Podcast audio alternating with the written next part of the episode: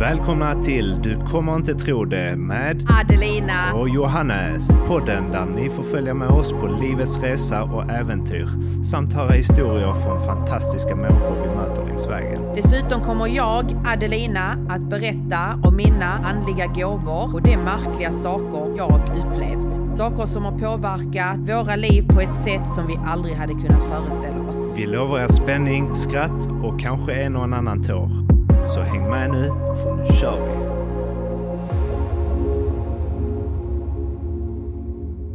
Yes! Då kör vi! Äntligen. Ja, nytt avsnitt.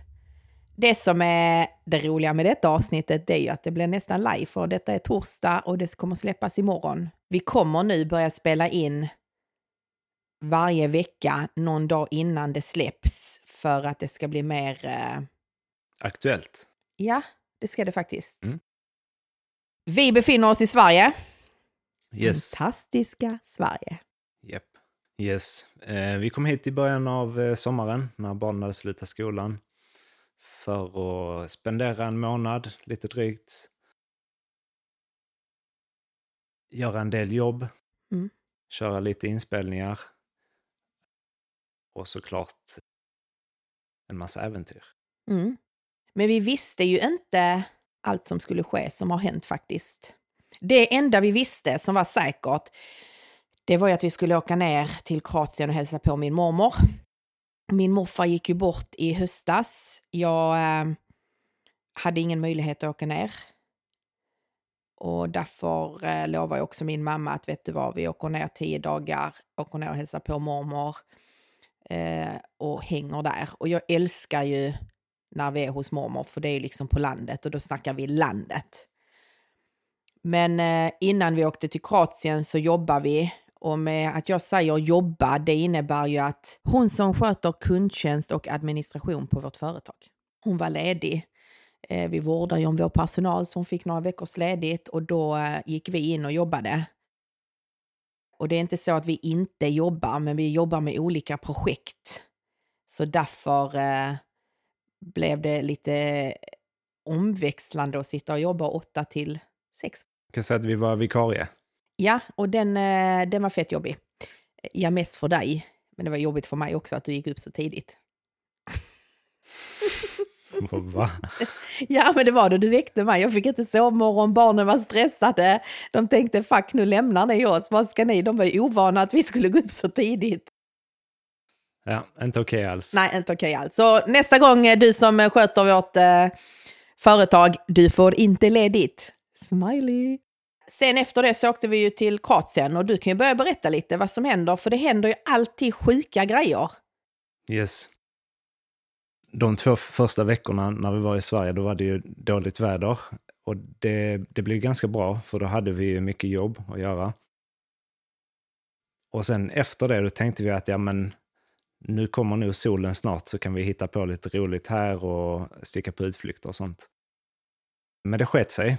Det Mm. blev ingen sol och inte så mycket utflykter heller. Men vi hade en eh, resa bokad till Kroatien. Och du vet när man har en resa till Kroatien, då är det ju så här. Alltså det är ju typ det mest solsäkra resmålet man kan göra mitt i sommaren ner till Kroatien. Man behöver i stort sett bara packa badkläder, linnen och eh, solbrillor. Ja, men det räcker ju med en bikini och sen så är du klar liksom. En burek i handen och så liksom bada. Så blev det inte. Såklart. När, man, när vi nu ska prata om det så känns det ju helt jävla absurt det vi har varit med om.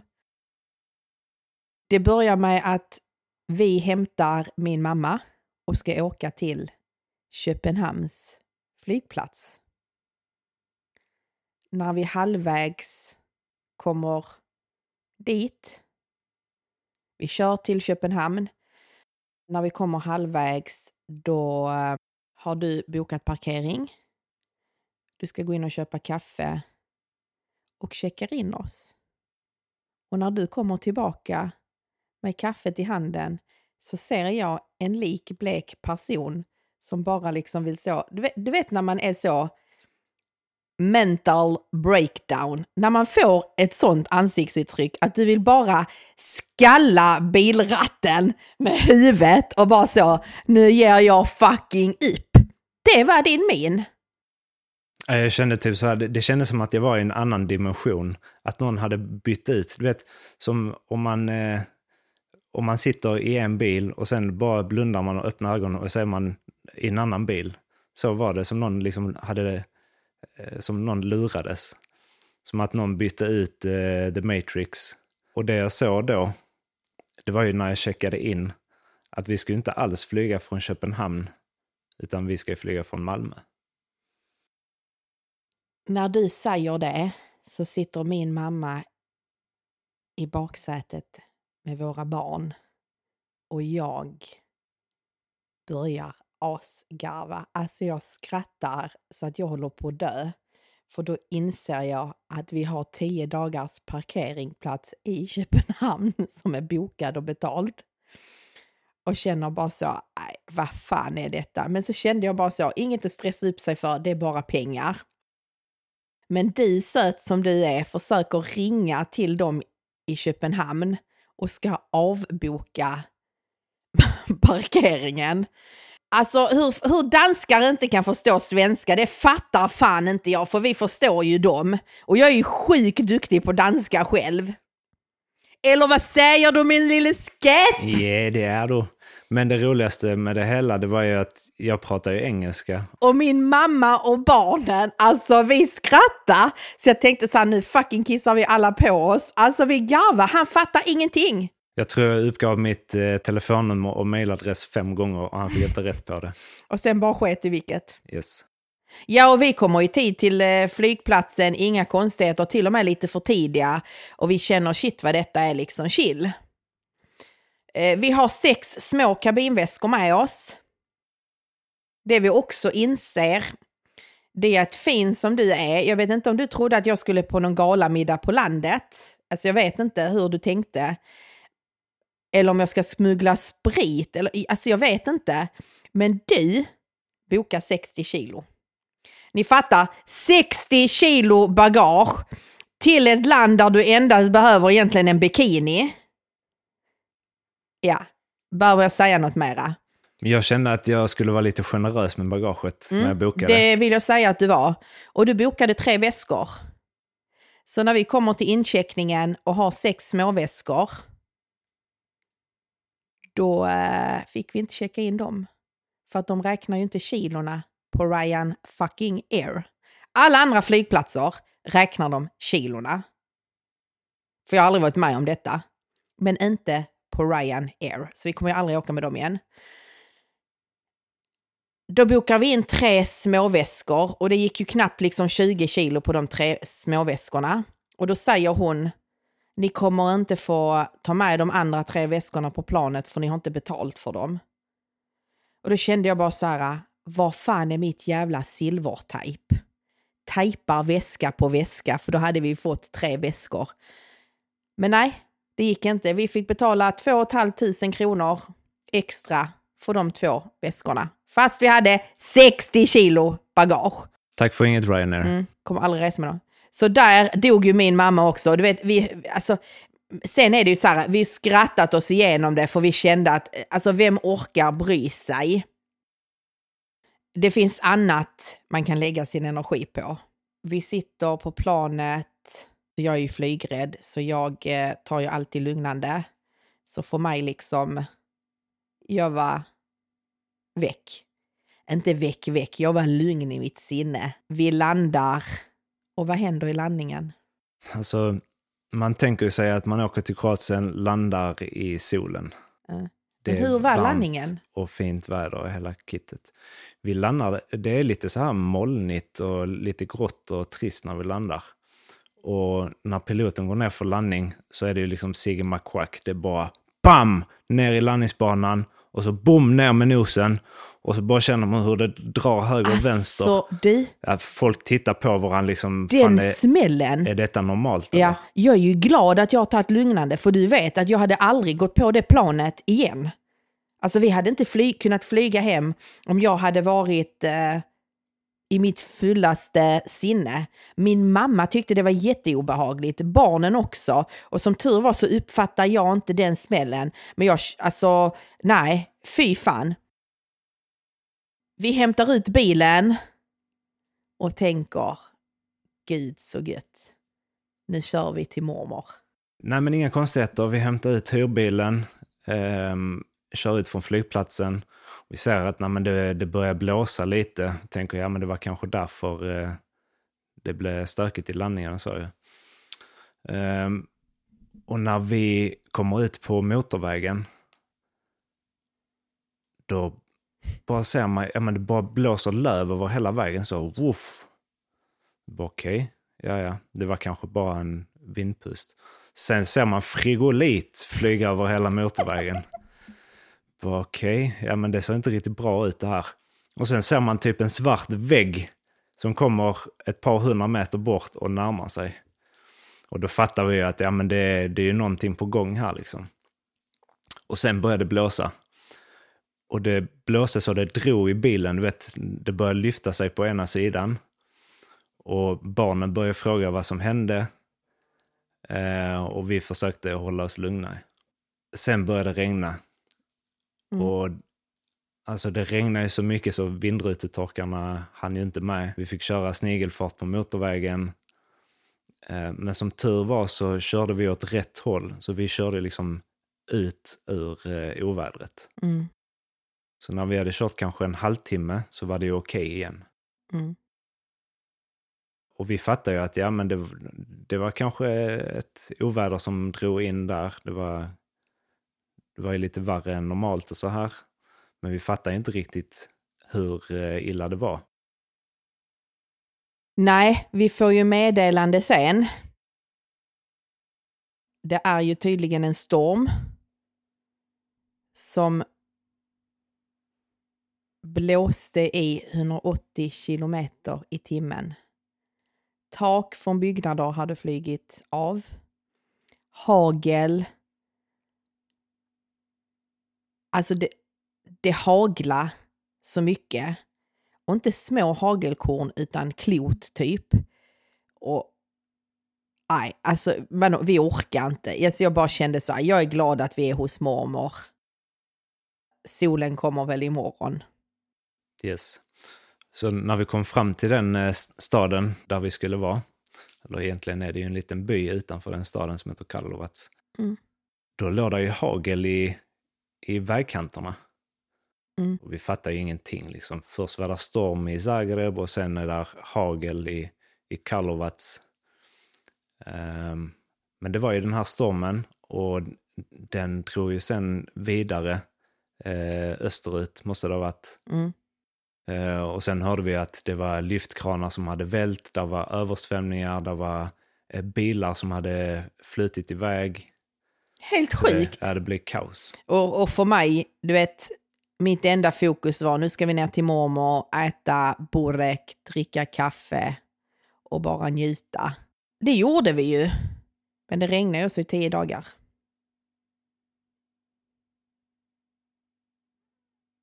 Ni hör tystnaden tio jävla dagar av regn.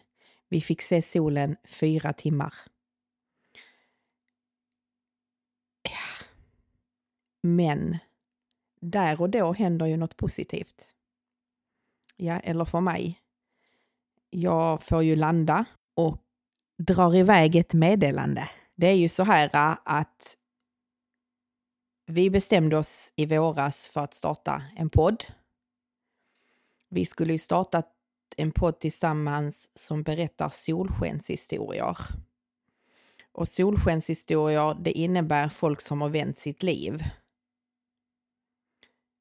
Och för mig då, direkt när vi kom på det, så för mig var det ju en självklarhet att vet du vad?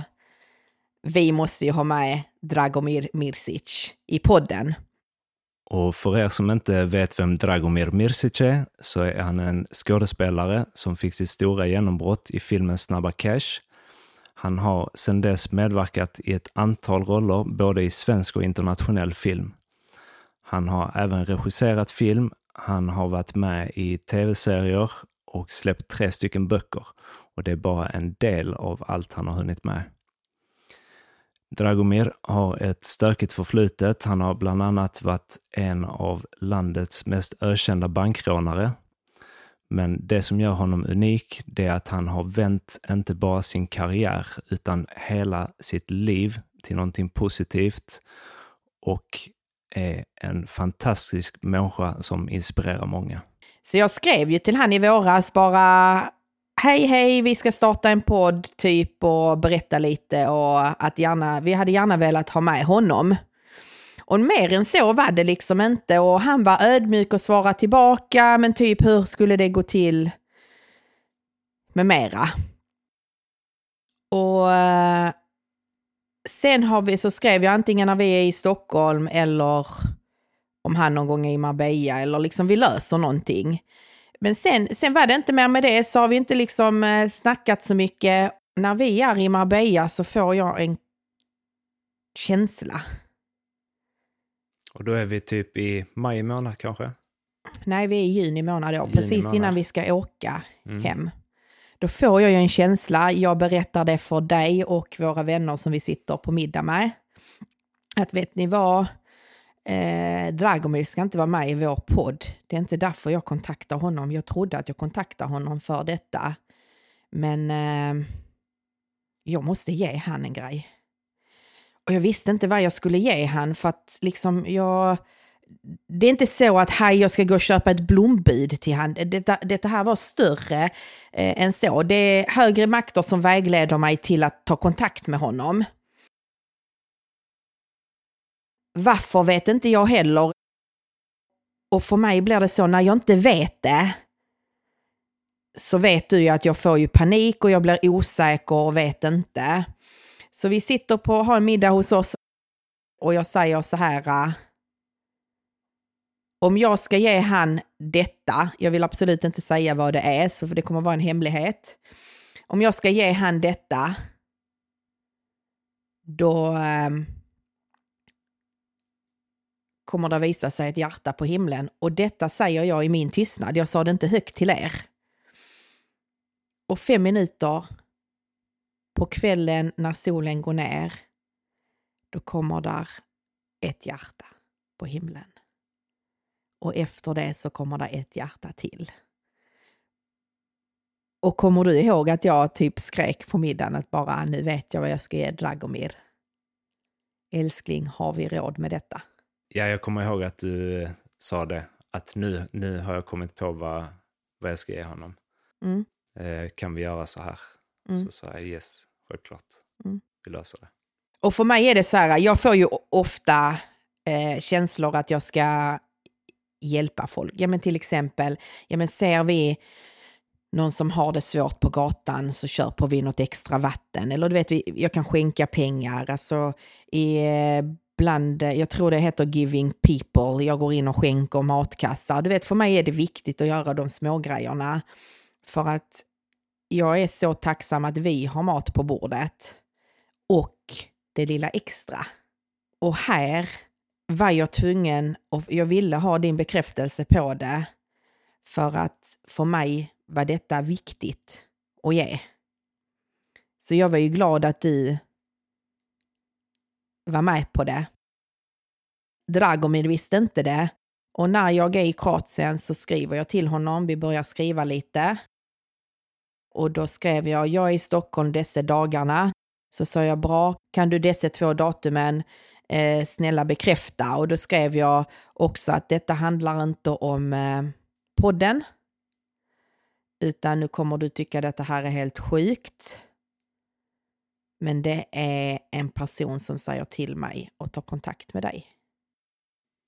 N- när fick du den känslan för första gången att det var en annan person som, eh, som, som bad dig att ta kontakt med honom? Men det fick jag egentligen från första början när jag skrev om podden. Så hade jag den rösten, eller vad man ska säga. Men jag hade svårt att ta in det, för det är första gången jag får vägledning om att detta måste jag göra. För innan har det ju varit att okej, jag går förbi någon och säger hej, hur mår du? Förstår du? nu var det någon som specifikt sa du ska kontakta denna. Det är som att jag har fått ett uppdrag. Mm. Men du fick någonting mer, sen var det ju någonting mer än bara att du ska kontakta denna. Mm. Jag har ju en känsla. Jag förmedlade ett budskap till honom. För att jag, det är också så, jag, jag vill hålla på lite av grejerna, faktiskt gentemot respekt mot både mig själv och min gåva. Och respekt mot faktiskt Dragomir och hans familj. För att detta är för mig, samtidigt som detta är sjukt häftigt, för ni måste förstå, Dragomir för mig är, ja men ni vet, Gago. Alltså allas flickdröm, hejdå, du vet. Men det är inte den jag träffade. Vi har ju skojat så många gånger. Jag fick liksom ett meddelande av honom på bröllopet där min lilla syra och hennes kille fixade en sån bara för att de vet att jag tycker han är så grym skådespelare. Men nu handlar det inte om Dragomir skådespelaren. Nu handlar det om Dragomir som person. Så där är det ju också, jag får ju skilja på det. Och sen får jag ju skilja på att jag har fått, jag har en gåva tydligen den är ju fortfarande så att jag utforskar den för den är ju extrem nu. Jag behövde göra detta för mig och för honom. Han kunde, vi bestämde ett datum, så när vi kom hem från Kroatien så åkte vi faktiskt och träffade Dragomir. Och jag tog med dig på detta mötet och det är också av eh, taktiska skäl. Och det är ju för att jag är faktiskt sjukt blyg och det är inte många som vet om det. Ehm, jag är, de som känner mig privat ordentligt, de som känner riktiga Adelina, de vet ju att jag är superblyg, att jag faktiskt är lugn och är alltså tillbakadragen och rätt så chill. Men sen har vi ju den andra sidan av mig som är en ja, men det, är, det är också en karaktär. Det är ju för att jag jobbar med det jag gör, där jag måste ha pondus, attityd, vara driven, sprallig och peka med hela handen. Och jag vill inte vara något av det. Därför kändes det sjukt tryggt att ha med dig. För du har ju ett inre lugn som du ger mig. Och då vet jag att jag kommer varken pladdra på eller sitta knäpptyst och titta på han som en kokojök. Tack hjärtat. Ja, men det är väl att du känner dig trygg när jag är med för att vi är samsynkade och vi känner varandra. Liksom. Vi bokar vårt möte på Hotell Rival och vi valde att ta med barnen upp för några dagar i Stockholm där vi ska njuta och bara ha det gött, träffa din bror och även ha detta mötet. När vi träffar Dragomir så är det som att vi har känt varandra hela livet. Jag som inte, ja, de som känner mig, de vet ju att jag går ju absolut inte fram och kramar någon. Bara random. Men jag kände mig så avslappnad så jag valde faktiskt att ge han en kram för att vi har pratat sjukt mycket. Jag berättade om den inre rösten som har sagt vissa grejer och han förstod vem personen är. Det som var roligt det är att jag faktiskt börjar mötet med att innan vi börjar prata om något annat så vill jag ju förmedla mitt budskap. Så jag säger ju liksom så att du, innan vi går vidare och liksom så, så behöver jag ge dig detta här. Och anledningen till att jag kommer hit är för att ge dig detta. Och jag tror innerst inne att han blev sjukt chockad och glad. Det tror jag också, men det, det syntes lite. Jo, men det gör det. Men alltså, det gjorde det, så det säger jag inte. När vi då pratar om det, varför jag var tvungen att göra det och Alltså denna känslan och det faktiskt prickades så jävla rätt.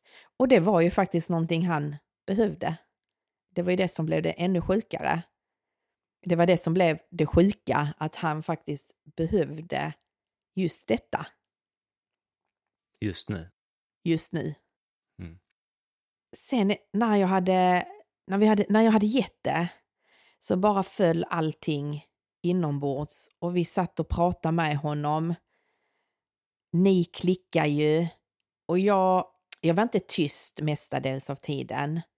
Men när jag har gjort den känslomässiga berg och dalbanan inombords, då sitter jag ju och känner efter och iakttar med mera. Jag måste säga att eh, efter du hade fått göra det du behövde göra så fick du ju ett enormt lugn. Ja. Du, satt, liksom, du, du satt inte tyst, du satt och var med och pratade, men man märkte att du var liksom... Du var nöjd, du var lugn, det var precis så här det skulle vara. Du har fått gjort det som var viktigt för dig. Jag är extremt tacksam att han tog sin tid och träffa en random person. Jag känner ju inte honom. Att jag fick lov att ge han detta, för mig var det viktigt. Och nu kan jag ju gå vidare. Vad framtiden visar efter detta, det återstår ju att se. Men för mig var mitt, nu är mitt uppdrag klart. Mm. Och det, vi har ju fått reda på att det är, det är många som har försökt få till eh, möten med honom. Mm. Och alltså så här, eh, även jobbmöten som är ganska viktiga och relevanta. Men han har avvisat dem eller inte haft tid. Och det är rätt så häftigt att han faktiskt tog sig tid att träffa oss som han gjorde på ganska kort varsel. Jag är i alla fall jätteglad, tacksam.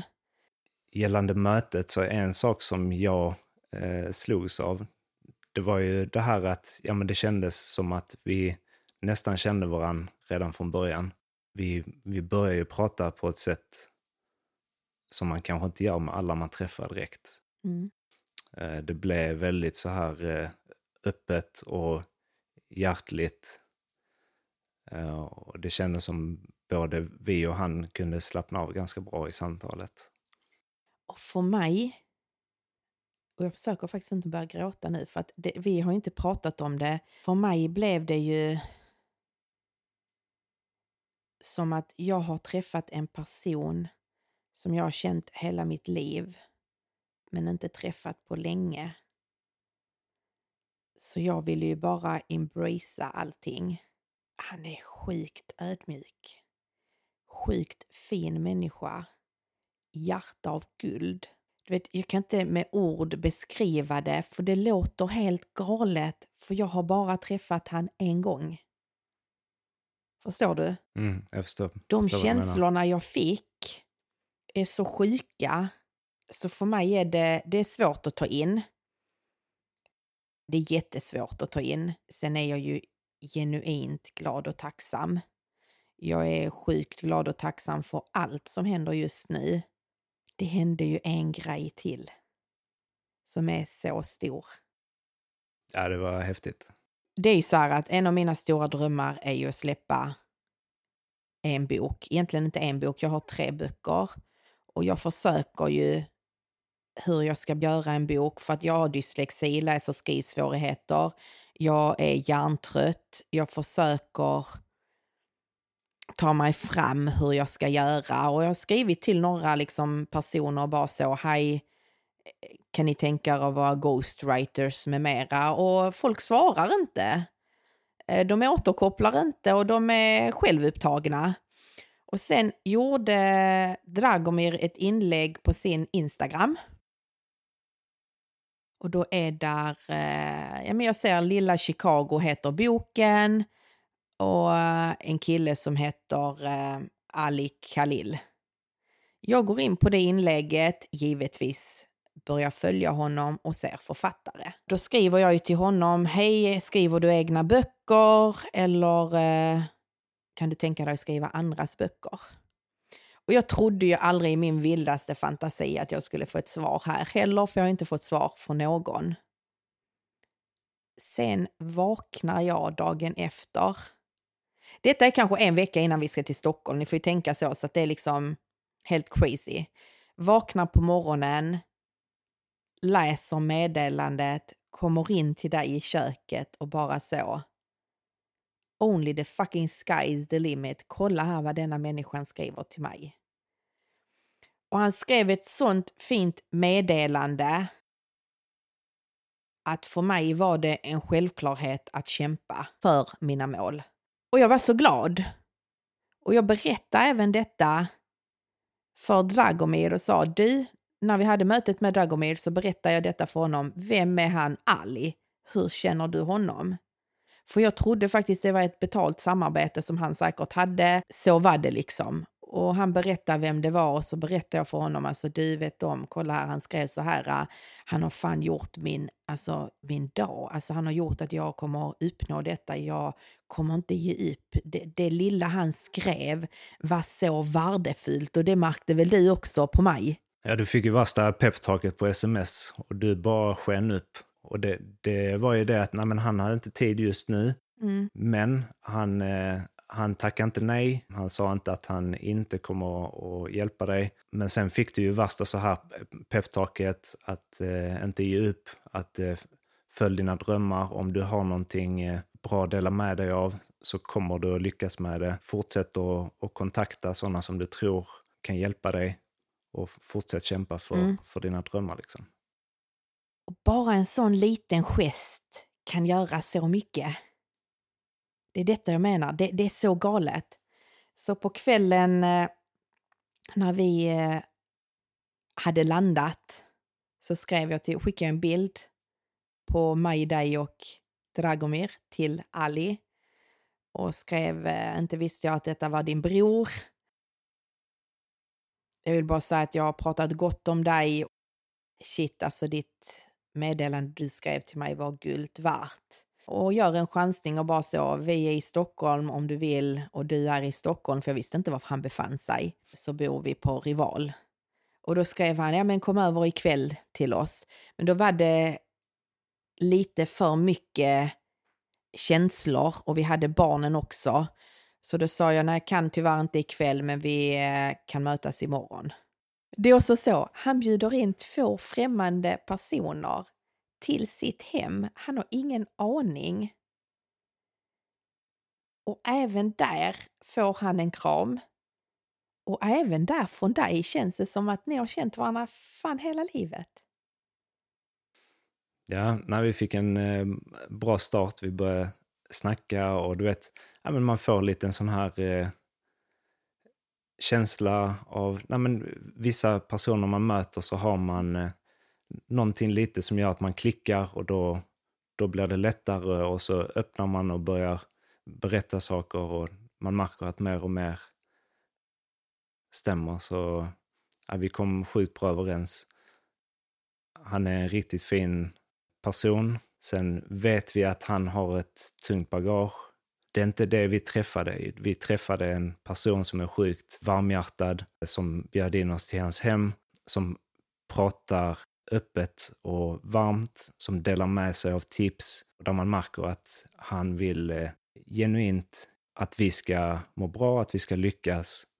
Och mm. hela mötet var bara så sjukt positivt. Och vi dömer ingen. För vet du vad? Alla bär på en historia. Ja, men det är det jag försöker säga till vår omgivning, att inte vara så jäkla PK. Man ska aldrig döma någon efter sitt bagage. Nej, exakt. Och det är klart att folk kan ha gjort hemska saker som aldrig går att tvätta bort eller att man har en karaktär som, som inte är okej. Okay. men det speglar ju också den man är och det man kommer att göra framåt och hela det här. Det vi försöker säga är att inte döma folk bara efter deras bagage, utan se vem personen är idag och vart den personen är på väg. Hur den personen behandlar andra människor, hur den eh, personen uttrycker sig, vilka energier den eh, delar med sig av och vad den har för visioner om eh, framtiden. Exakt, och det är det som var så mysigt att se med Ali. Han har skrivit en bok som heter Lilla Chicago. Vi har inte läst den, för vi fick den igår. Eh, jag kommer absolut läsa den och jag tror absolut du också kommer läsa boken. Och vi har valt att köpa in tio exemplar och lotta ut. Så det får ni kolla på Instagram. För tro mig, ni vill ha denna boken. Och om ni inte vinner utlottningen så tycker jag absolut ni ska gå och köpa boken. För om boken är hälften så bra som hans personlighet så kommer ni inte bli besvikna. Nej, verkligen. Eh, en riktigt skön kille. Härlig att snacka med. Väldigt varm och öppensinnad. Inte bara att han eh, delar med sig av sina historier så här. Han, han lyssnar, han bryr sig om och han är väldigt mån om att eftersom han har fått en chans av andra så är det hans uppgift och ansvar att ta det vidare. Att hjälpa andra som han träffar, att vara öppen och godhjärtad mot människor som, som eh, han stöter på.